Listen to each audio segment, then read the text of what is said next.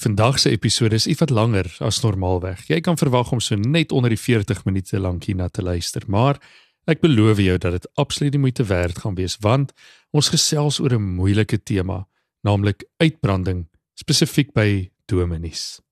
Dominee Melanie Tirion, Dr Siegfried Lou en Dr George Roo deel met ons hulle insig oor hierdie moeilike tema.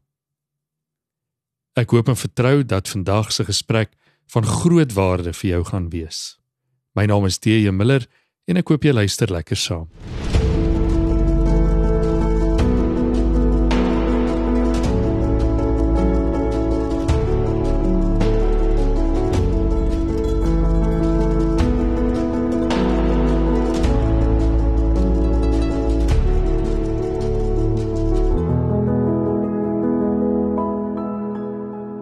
Melanie, Siegfried en George, baie baie dankie vir julle tyd om vandag met ons te kom gesels oor hierdie hierdie moeilike ding wat amper elke predikant seker al ervaar het of tans ervaar.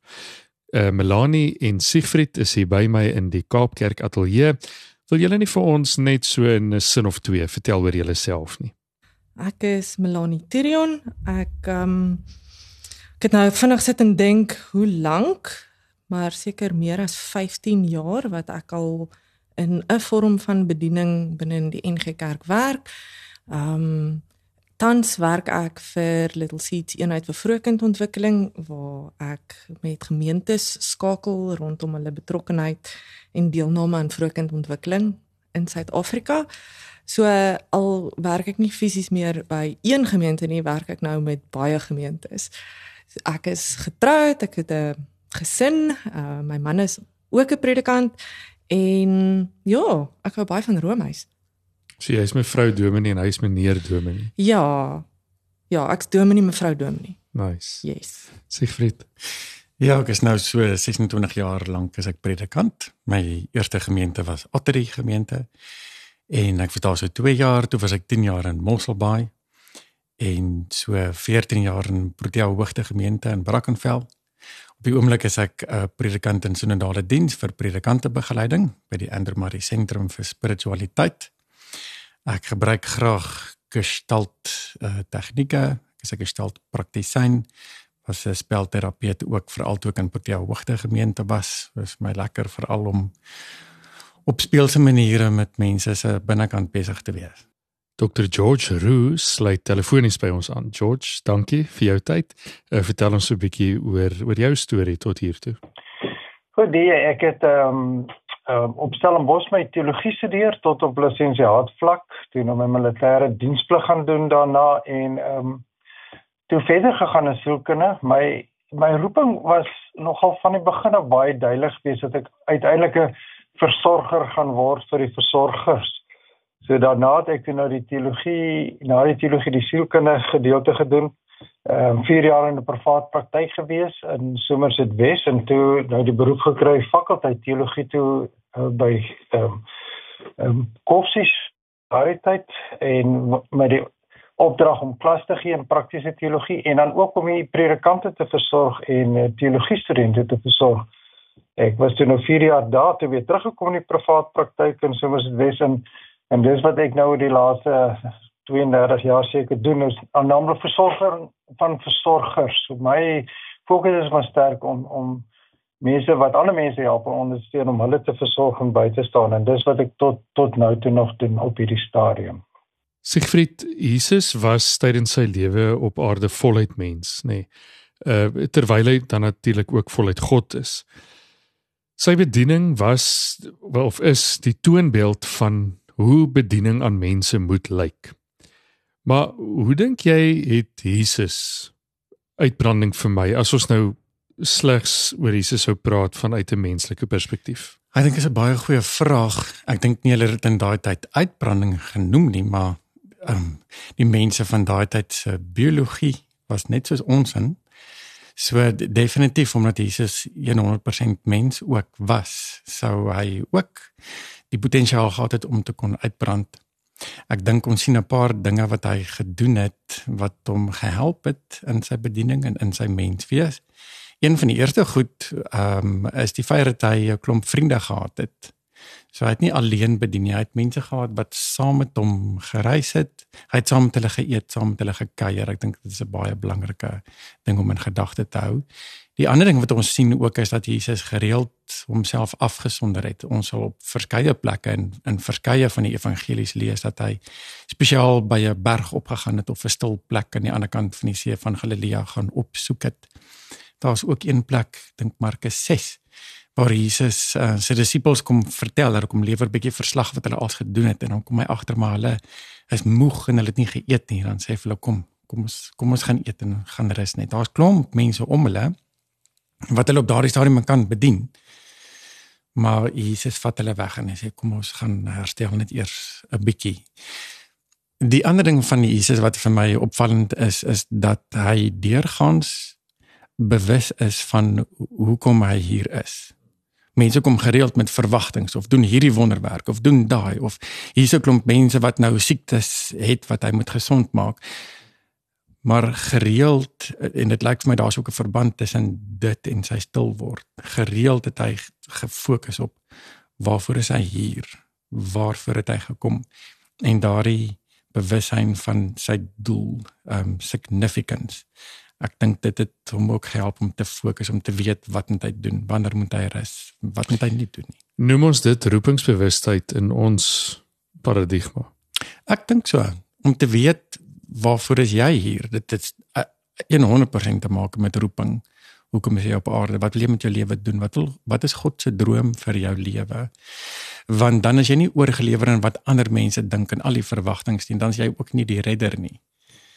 Ek het al vir myself uitgevind, ek wag 'n bietjie. Ek sê te maklik te gou ja, maar dan dan gaan dit eintlik oor myself, want ek wil vir mense wys, jy kyk ek kan help maar dan is ek eintlik in die verkeerde rigting op pad en Jesus wys ons nee, dit jy moet weet waarvoor jy hier is. Dink jy predikante herbesoek of of herbevestig die die inhoud van hulle roeping gereeld genoeg of brand hulle soms uit omdat hulle alles vir almal wil probeer wees? Ek dink dit is spot on dit wat jy sê. Ek dink ehm um, dit dit gebeur moeilik um, om om deurgangs bewus te wees van wat wil die Here nou van my hê. Want predikante on, ons word ons word deel van die gemeenskap rondom ons. Dis vir ons 'n voorreg dit is vir ons lekker. En jy weet wat jy wil doen in die gemeente en jy is bewus van roeping maar daar kom praktiese uitdagings. Dit dit bekruip jou so bietjie. En jy wil al hoe meer gee veral in gemeentes waar daar groot uitdagings is dan voel predikante verantwoordelik en jy gee al hoe meer, al hoe meer. Dis nie asof jy eendag opstaan en sê nou gaan ek myself aan flarde werk vir die gemeente nie. Dit bekruip jou oor jare. Ehm um, en en daarom dink ek dit is juist belangrik om byvoorbeeld te kyk wat het Jesus gedoen of in die Ou Testament wat het God gedoen met Elia toe hy moedeloos onder die besembos gelê het. Wat het daar gebeur? Lani terwyl jy so na Siegfried luister, sit jy die hele tyd in in knik jou kop. Is hierdie iets wat jy al naby aan jou lyf beleef het? Uh ongelukkig ja. Ja, ongelukkig is dit die storie van my bediening tot op 'n punt toe. Ek moet hierby sê ek en Siegfried was so vir 'n tydperk kollegas gewees. So dis vir my lekker om ek saam met hom hierdie gesprek hmm. te kan hê. Ek dink dit was vir ons albei 'n baie interessante tyd in ons bediening gewees. Um en my storie en, en iets iets wat Sigrid nou gesê het wat my ook aangeraak het is dat 'n mens staan nie op en sê goed nou gaan ek myself in flarde werk nie. Daai ding van dit bekruip jou hmm. en um om op 'n plek van uitbranding as ons dit uitbranding noem, um dis nie 'n dis nie net een ding wat dit veroorsaak het nie. Dit dis 'n klomp goed wat jou bekruip het wat jy dan eendag gebeur daar iets en dan besef jy nou nou is daar niks meer oor nie. So ek het my storie so breed weg was maar een van onverwerkte kan mense dit bedieningstrauma noem. Um ek dink voor ek vir Siegfried ontmoet het was daar 'n tydperk gewees waar daar 'n paar goed gebeur het in my bedieningsjare waar ek baie jonk ook nog was en baie onervare en nie die vaardigheid gehad het of die savvy as ek dit so mag noem om te weet hoe hanteer mens seker goed waar gaan klop jy aan vir hulp en en en en so baie daarvan het ek op my eie gedra um en gedink nee wat ek ek handle dit. Mm. ek vat dit. Um ja so in in toe ek in 'n ander gemeente begin werk en um my dogtertjie op daai stadium ons oudste dogter was 2 jaar oud gewees op daai stadium so ek is nog 'n nuwe ma ook. Ehm mm. um, so en en dit bring dan nou nog sy eie stuk verantwoordelikheid en ehm um, probeer uitfigure hoe doen mens die lewe met 'n 2-jarige saam in voltydse bediening in 'n gemeente. Jy weet 'n mens wil so graag jouself posisioneer dat mense kan sien maar jy kan dit doen jy kan 'n gesin, 'n huwelik en voltyds in die bediening. My man was ook voltyds in die bediening op daai stadium ons ons kan dit doen. Um en omdat 'n mens of ek, ek moet nou nie sweeping statements maak en veralgemeen nie. Ehm um, maar ek dink omdat me, omdat ek graag wou gewys het en ek en ek hou van mense, ek hou van bedieningswerk. Hmm. Dis hoekom ek hier is, dis hoekom Here my geroep het ook yeah. Ja. want dit dit sal seker weet wat die Here wil hê ek moet doen. Um laat mense 'n paar goed gaan, persoonlike dissiplines gaan. En jou eerste dissipline wat gaan is jou dissipline van rus. Ja. Uh en rus met 'n 2-jarige beteken ook iets anders as rus wanneer jy ongetroud is. Ja. Um en as jy 'n ma is, jy weet er is rus eintlik maar iets wat jy doen as jou kind 10 jaar oud word vir luxury. Ja, wat wat beteken rus dan nou? So ek dink net ek het op 'n op 'n punt gekom of miskien moet ek dit ook net by sê. Ek was verantwoordelik vir die jeugbediening in die gemeente en ons almal weet dat jeugbediening is een in in die NG Kerk. Ek weet nie of dit in ander kerke ook so is nie. Maar eh, jeugbediening, dit voel vir my jeugbediening staan altyd onder 'n vergrootglas in mm. gemeentes. Jy weet as kinders nie opdaag vir sonnaarskool nie. Waar is die kinders? Uh of julle moet net weer Vrydag aand 'n koffiekroeg hou of julle verstaan daar's daar's altyd dis een van die bedienings wat baie kritiek ontlok nie net van jou kerkraad nie maar ook van ouers af ook van die gemeenskap af um veral as jy in 'n in 'n gemeenskap is waar daar baie dinge gebeur en kinders se aandag verdeeld is jy weet dan Ehm um, is die druk nogal met tye hoog om kinders geestelik versorg te kry want jy kompeteer vir hulle tyd en hulle aandag. So gooi al daai goed in een koppie en jy het 'n resep vir uitbranding. En dit is wat met my gebeur het. Ek dink die hoogtepunt daarvan was 'n kerkraadsvergadering waar ek in trane uitgebars het oor 'n klomp goed omdat ek net so gefrustreerd gevoel het mense het gedink ek is ek kan dit nie hanteer nie en dis hoekom ek huil en ek het gehuil omdat ek kwaad was en gefrustreerd was omdat ek net gevoel het goed wat na my kant toe kom is onregverdig. Niemand wil, jy weet, as jy as mense senuweestelsel in 'n veg of vlug of vriesreaksie ingaan, as jy 'n dis wat sit in Afrikaans 'n disgereguleerde senuweestelsel het, mm. dan is kritiek sewe keer erger as wat dit eintlik is en weet 'n mens sukkel om die lig te sien. Um en alles is almal anders se skuld en en en en en en en en daar het ek besef goed, nou moet ek die pause knoppie druk. Nou is hier 'n klomp dinge wat uitgesorteer moet word en ek het rus nodig. Hmm. So dit is maar so oor die breë weg um waar ja, hoe my storie en waar my storie afgespeel het. Interessant in die voorbereiding vir hierdie opname het ek bietjie hier by die sinodale kantoor rondbeweeg en vir mense gevra met wie dink hulle kan ek praat oor uitbranding verkieslike predikant wie wie kan ek vra en twee of drie mense het vir my gesê jy kan enige een vra. So wat dink julle maak dat gemeente dominee so maklik uitbrand? Omdat ons so baie van onsself gee. Ek dink ook ons gee ons graag vir goeie goed. Ja. So dis nie dis nie dis moeilik om nee te sê vir goed wat pas by waarmee hoe ons kerk verstaan en waarmee ons behoort besig te wees. en ek dink een van die goeters is on, ons het soms die idee dat selfsorg staan teenoor sorg vir die gemeenskap, maar dit staan nie teenoor nie. Ehm um, vir myself dink ek byvoorbeeld soms aan ons is soos 'n 'n watertank ons almal baie, baie van ons het klomp tanks opgesit toe ons droogte gehad het. Die watertank vang reënwater op nie om die water net daar te hou nie, dis om uiteindelik die tuin te help aan die lewe hou om water te gee vir die omgewing rondom die tank. Maar as daar nie water inkom nie, is daar niks om te gee nie.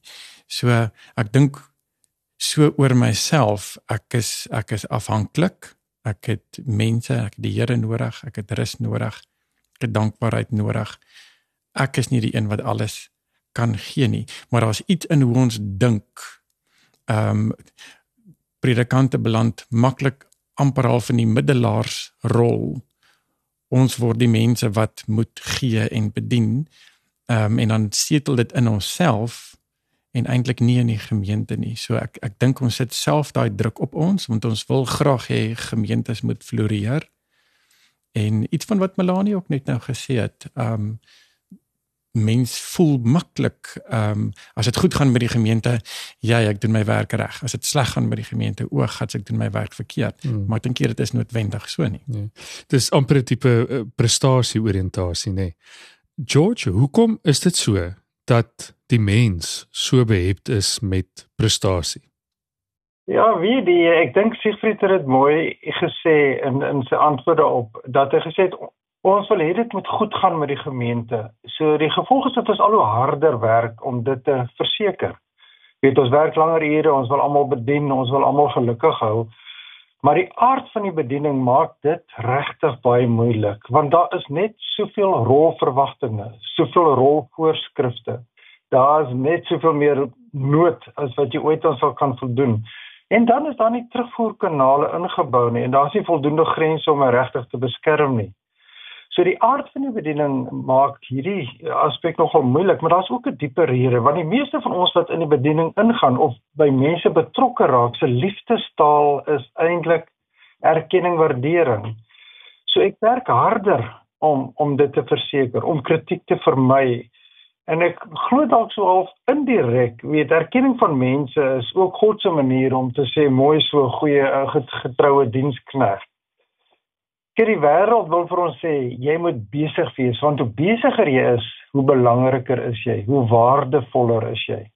En dis dalk te waar vir die tandarts of die fabrieksbestuurder of die verkoopsman, maar dit is gevaarlik vir die predikant want jy offer baie belangrike elemente op in die ehm um, wat noodsaaklik is vir die bediening as jy te besig is soos jou eie geestelike vorming jou eie stiltheid rustigheid kalmte hmm.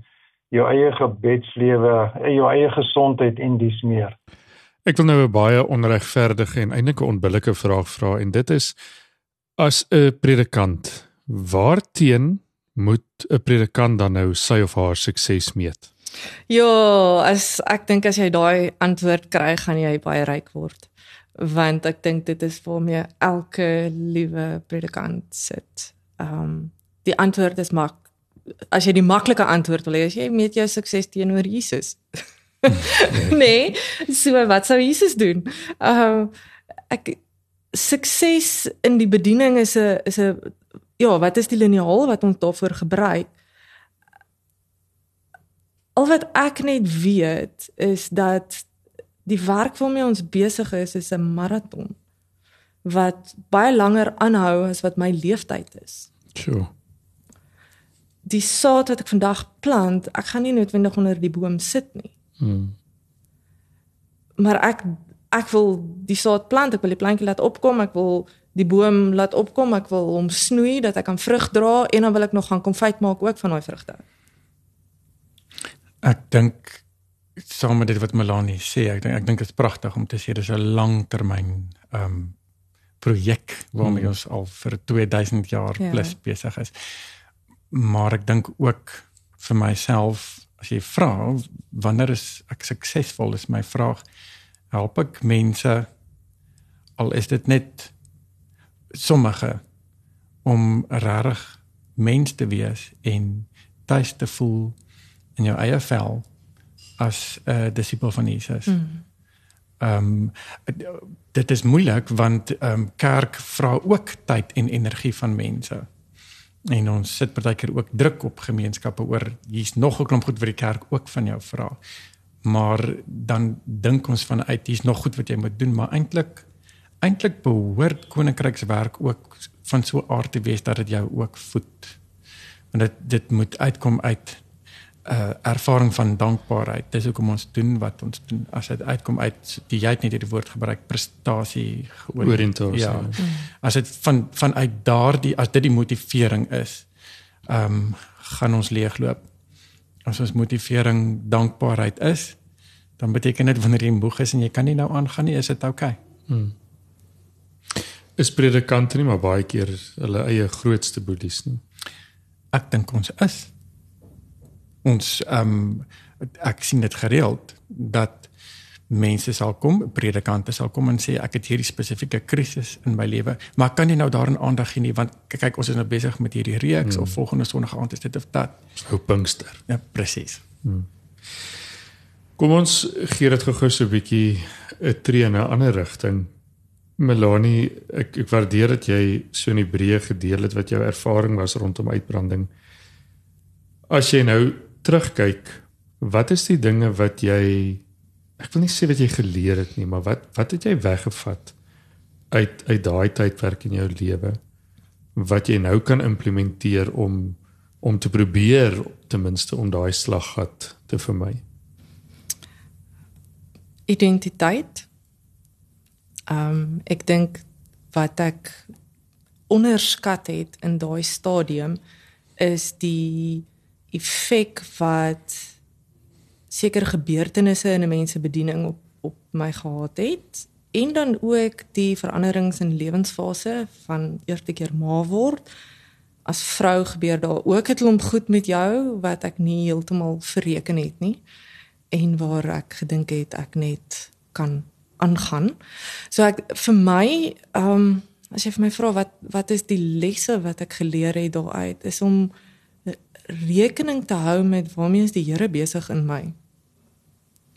Ehm um, en om met 'n baie dieper onderskeidingsvermoë te lewe saam met die Here waarheen is die Here op pad met my en waarmee is hy nou met my besig. So spiritualiteit 'n 'n 'n gefestigde spiritualiteit en geestelike dissiplines is een ding wat my baie baie help op hierdie stadium want dit dit help my ook met die onderskeiding van waarmee is die Here met my besig wat dan help waarvoor sê mens ja en waarvoor sê mens nee en hoe onderskei mens want alles is tog goeie werk in die koninkryk van die Here. Um ek dink ook vir my die ander ding is in Sigfried het aan die begin daarna verwys Jesus se disippels. Is 'n mens se gemeenskap om jou jou jou vriende, jou men, mentor, iemand met wie jy onbevange net kan bedieningsuitdagings deel sonder dat jy geoordeel word of sonder dat hulle vir jou gaan vertel hoe dit eintlik gedoen moet word. Maar iemand wat jou net kan in rigting stuur soos 'n skaaphond 'n trop skape stuur um is vir my 'n ander ding wat baie baie waardevol is mense wat my goed ken wat vir my kan sê as hulle as hulle uh, rooi ligte begin waarneem in my en gewoonlik sal dit my man wees. Um maar iets wat ook vir my uh, baie gehelp het is om um ook net al bietjie die die neurologie agter trauma en want ons almal ons almal in hierdie land loop met 'n vorm van trauma. Hmm.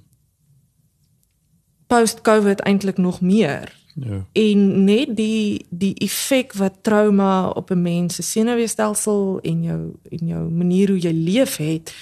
Um en om te besef wat is 'n mens se triggers en om te weet goed as mens getrigger word, wat doen ek dan?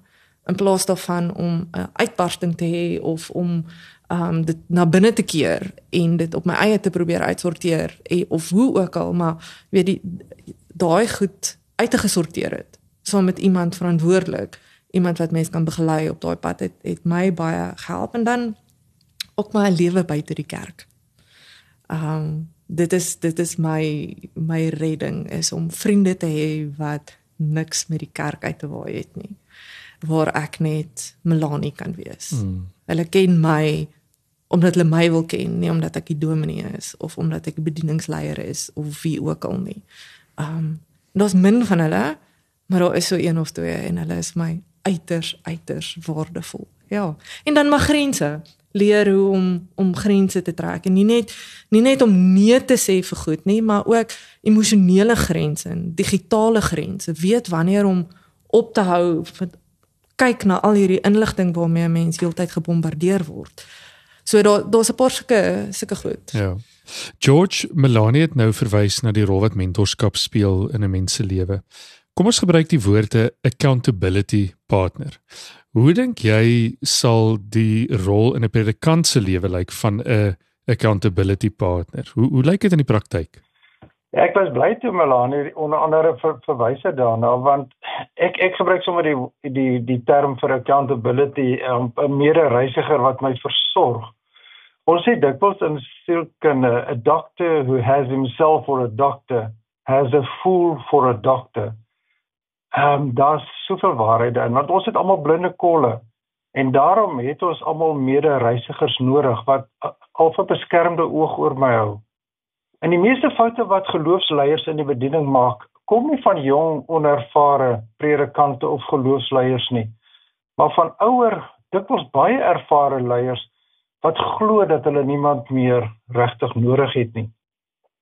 Ek dink daar is 'n gesonde beskermende dissipline ingebou om 'n paar keer 'n jaar by iemand wat jy regtig vertrou te gaan sit wat jou eie menswees op die hart dra en wat vir jou hierdie volgende belangrike vraag nogal vra en dis die vraag wat ek as ek met die ouens werk, dis die vraag wat ek hulle vra.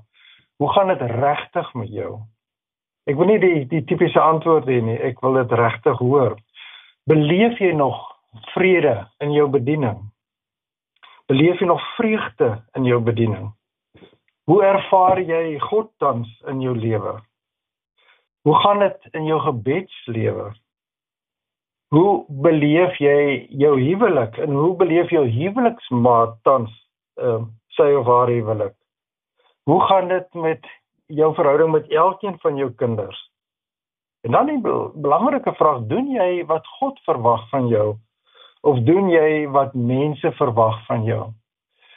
So dis die dis die dis die belangrikheid van daai dissipline dat 'n paar keer 'n jaar gaan sien ek iemand om vir my net te kyk is ek nog op koers weet ehm um, weet so ek het dat ek hierdie blinde kolle wat ek het dat daai blinde kolle verreken kan word so dis daai dissipline om iemand gewoonlik 'n ouer persoon maar wat regtig jou belang op die hart dra wat jy vertrou wat jy hierdie diep gesprekke mee kan hê. Absoluut. En ek dink een van die dinge wat so 'n persoon 'n predikant baie oor moet herinner is die feit dat hulle baie baie diep gewortel in die Here moet wees en dat hulle ook gereeld moet bid sonder dat hulle betaal word vir die gebed, nê. Nee. Uh Siegfried, as ons bietjie kyk na hoe jy dinge doen in terme van jou eie spiritualiteit, wat is die ritmes of gewoontes of stukke gereedskap wat jy gebruik om rondom hierdie slaggate van uitbranding te navigeer? een ding wat jy nou net gesê het is om om te bid sonder om betaal te word. Ek dink uh, op 'n stadium was dit net vir my so as ek Bybel lees, begin my brein te hardloop en hoe preek mense nou hieroor? Ehm um, ek dink ek uh, begin myself al hoe meer in 'n ritme vind waar ek amper net regtig net die teks ontvang soos ek dit daar lees vir myself. Ek kan in 'n volgende ronde sal ek dalk bietjie dink, okay, so hoe sal ek met 'n geloofsgemeenskap hieroor gesels? Hoe sal ons hiermee werk? Maar ek dink daai ehm um, dissipline van lees dit net vir jouself, ontvang dit nou vir jouself.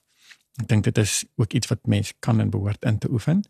Die tweede ding ehm um, klink nie na geloofsdissipline nie, maar dit is en dit is vir my om te oefen. Ehm um, as ek nie drie keer 'n week draf of ten minste gaan stap in die natuur of so nie, dan weet ek ek weet nou al. Okay, wag, hier kom moeilikheid. Ehm um, so draf uh, oefen ehm um, verkieslik saam met 'n uh, vriend of 'n familielid of so dis lekker maar partykeer is dit ook goed om dit alleen te doen maar daar gebeur baie prosesering van emosies en sensoriese input eintlik vir myself terwyl ek draf. Ek het so rukkie terug met 'n 'n vriend van my ook gesels wat baie ek weet nou nie wat se Afrikaans is endurance training. Hy hy ry ure aan een fiets en hy sê net uh vir hom as 'n gelowige is vir hom so fantasties wat met hom gebeur nadat hy nou ure lank op die fiets was. Daar's net iets wat met jou liggaam en jou gedagtes en jou emosies gebeur. Dis iets van nou oorgelewerdheid. Ek dink um om saam met mense op reis te wees doen regtig iets aan jou. Vir myself om te sorg dat ek ten minste 3 keer 'n week oefen is vir my baie belangrik is deel van my spiritualiteit ook. En dan om met medegelowiges net rustig te kuier, dit wat Melanie ook gesê het. Ehm um, sonder om te moet voel ek moet gee gee gee wees. Ek moet vir myself tye skep waar ek net kan wees. Ehm um, en want dan haal dit die spanning ook uit. Ek weet daar's ander tye wat ek gee en dan gee ek graag alles. Want dit is vir my lekker om soveel as moontlik te gee wanneer ek gee. Maar dis so sing. As jy aanhou sing sonder om in te asem, raak jou note op. Kom ons staan vir 'n oomblik gou stil by oefening of fisiese aktiwiteit. George, as ons vir jou kan vra, wat is die rol wat oefening of fisiese aktiwiteite in die menslike liggaam en en brein speel? En hoekom kan ons dit so half beskou as 'n 'n teenmiddel vir uitbranding? Ek ek gou baie van daai vraag die want dit is vir my baie keer so 'n heerlike praktiese oplossing wat so voor die hand liggend is. Kyk ons liggame is baie goed ontwerp ontwikkel om fisiese moegheid goed te kan hanteer. As ek nou vandag heeldag fisies hard gewerk het, slote gegrawe, bome gesny, ver gestap, ehm um, dan is ek saans moeg en ek kan goed eet en ek kan goed slaap want my liggaam herstel in daai prosesse. Die volgende dag is my liggaam uitgerus en kan ek weer so 'n fisies aktiewe dag doen. Maar die werk wat ons doen wat werk met mense of jy nou onderwyser is en 'n maatskaplike werker is, so kundige, almal wat met mense werk, so werk is eintlik psigies van aard. En baie van ons sit eintlik ure op 'n stoel. So hier ontwikkel 'n baie dieper moegheid wat nie deur die normale leefritme van gaan slaap herstel word nie. Die adrenalien wat deur die dag ehm um, opgebou word vanweë die spanning wat ek beleef in die werk kom sit in my lyf want ek het dit nooit gebruik nie. Ek bly moeg, maar dis 'n diep diep vlak van moegheid wat op die langtermyn as ek dit nie oppas nie, wat op die langtermyn dan lei tot angstigheid of depressiwiteit of dan nou ons tema uitbrand. As ek oefen, dan gebruik ek daai adrenalien as petrol vir vir die oefening. Of ek nou stap, draf, fietsry, swem, ek gebruik dit as petrol. So ek raak uiteindelik meer ontspanne, my angsvlakke daal want my adrenalien is minder en terselfdertyd skei my liggaam nou endomorfine af. Dit is so 'n goed voel hormoon wat vir my uh, amper 'n heerlike gevoel na oefening gee. Die ander belangrike ding vir my van oefening is dit lei is deel van selfversorging. Dit bring daai balans wat nodig is. Dis daai beskerming van myself. Dis my klein tydjie wat ek gebruik vir myself. Ehm um, ek ek het nog nooit eintlik met predikante gewerk byvoorbeeld wat fisies fiks was en wat uitgebrand het nie. Baie predikante sê as jy daai tyd wat ek oefen of en nou fietsry is of draf, dis my tyd met die Here, dis my gebedslewe, dis baie keer my preekmaaktyd, dis my alleen tyd en baie van die persone doen dit hier soggens vroeg wanneer mense nog slaap, is hulle is hulle besig met hulle oefenprogram. Ek het baie predikante gekry wat deur die jare vir my gesê het, "Oor ek het nie meer tyd vir oefening nie. Ek het nie tyd vir daai leksheid nie. Daar's te veel werk." So hulle offer daai selfversorgende aktiwiteite op en uiteindelik ja, eindig hulle met uitbrand in die situasie. Ja. George, so ten laaste, as ons jou nou uit jou stoel kon lig en op 'n verhoog agter 'n podium voor 1000 leraars dominees sit en vir jou sê, "Wat is jou oproep aan hierdie dominees? Wat is jou boodskap aan hulle? Wat sou dit wees? Ek sê baie keer 'n baie kras ding, maar ek bedoel dit so opreg. Ek dink die Here begelei ons nie in uitbrand in nie. Ek dink dit is ons eie egos wat ons daarin begelei. Die Here vat ons nie op 'n geloofsreis ten koste van ons gesondheid, ons gesinne en ons huweliksgeluk nie. As ek dit visueel kan voorstel, wil ek graag 'n driehoekbeeld gebruik of 'n piramidebeeld. As die boonste gedeelte van die piramide my bediening impliseer, Met hierdie bediening rus op 'n baie soliede basis. In die linkerhoek kan 'n mens sê dit verteenwoordig my eie geestelike vorming, my eie reis met die Here, my eie tyd saam met die Here. Die regterhoek verteenwoordig my huwelik, my gesin, my rus, my ontspanning, my eie menswees. As jou fondasie gesond is, stabiel is, versorg word, dan gaan jou bediening geseën word daardeur. As jy voel alles moet opgeoffer word ter wille van my bediening, dan gaan al die rooi ligte aan. Dan is die gevaartekens verseker daar. So uiteindelik gaan dit oor 'n balans, 'n ritme wat werk, wat vir jou werk, weet wat 'n invloed in jou stelsel inbring sodat jy 'n uitvloei kan hê. Die beeld wat Siegfried gebruik het nou met die watertank, daar moet invloei kom sodat daar 'n uitvloei kan kom. Ek ek ek sien my eie bediening baie as die van 'n maraton, weet ek wil Die maraton kan hardloop op my eie tempo. Ek wil dit geniet. Ek wil seker maak dat ek dit kan klaar maak uiteindelik. So ek wil dit nie vergelyk met iemand anders se reis nie. Dis my eie reis. So vir my belangrik dat ek by by my kollegas pleit is raak 'n paar keer 'n jaar stil. Gaan 'n afsondering vir 'n dag of twee sodat jy regtig net weer kan hoor Maar doen ek regtig wat God wil hê ek moet doen? Want hoe minder ek hoor wat God wil hê ek moet doen, hoe meer steur ek my aan wat ek dink mense wil hê ek moet doen. En wat mense se verwagting is, is nie noodwendig wat God se verwagting vir my is nie. So daai amper weer besin vanuit God se woord oor my roeping, oor my opdrag, oor my taak dat dat ek weer iets van egtheid van menswees kan beleef vir myself en myself kan kalibreer as 'n ware. 'n Tweede aspek wat vir my daar belangrik is, is selfkennis en selfaanvaarding. Dat dat ek regtig gaan agterkom wat is die gawes wat ek het en hoe kan ek die gemeente bedien met hierdie gawes? Dan kan ek ophou voorgee wat ek nie is nie. Ek mag maar myself wees uiteindelik. En ek dink ons geloof moet ons kan begelei na egte mense, sodat ons egter mense kan word en ons mense as ek my mense verloor in my bediening, dan gaan soos ek dan gaan die rooi ligte ook vir my aan. Ek dink 'n groot ding ook is dat jy selfverantwoordelikheid moet aanvaar vir vir jou eie balans, jou eie prioriteite. En dat ons nie iemand anders moet blameer nie. Ons moet nie onsself sien as slagoffers nie. Dis nie die gemeente of die kerkraad se skuld dat ek is waar ek is nie. Dis my eie verantwoordelikheid om my lewe te bestuur sodat ek daai ritme kan kry. Ek dink ook die belangrikheid van delegering. In baie predikante wil alles vir almal doen in plaas daarvan om te besef hoe jy is 'n begeleier van 'n span. Jy het mense met baie gawes in jou span en alles wat iemand in jou gemeente kan doen, benut hulle gebruik hulle daarvoor sodat die die hele span saam 'n orkes kan kan word. En vir my die laaste ding is die belangrikheid van 'n dagboek. En veral hierdie tyd van die jaar waar ons nou amper weer 'n nuwe jaar beplan, gebruik jou dagboek om daai balans vir jou te beplan, jou prioriteite, jou aftye, jou afdae, jou vakansietye jou tye met die gesin, met jou huweliksmaat, jou jou tye, jou afsprake met jou geestelike mentor, jou tye vir jou jou sport, jou tye vir voortgesette studie.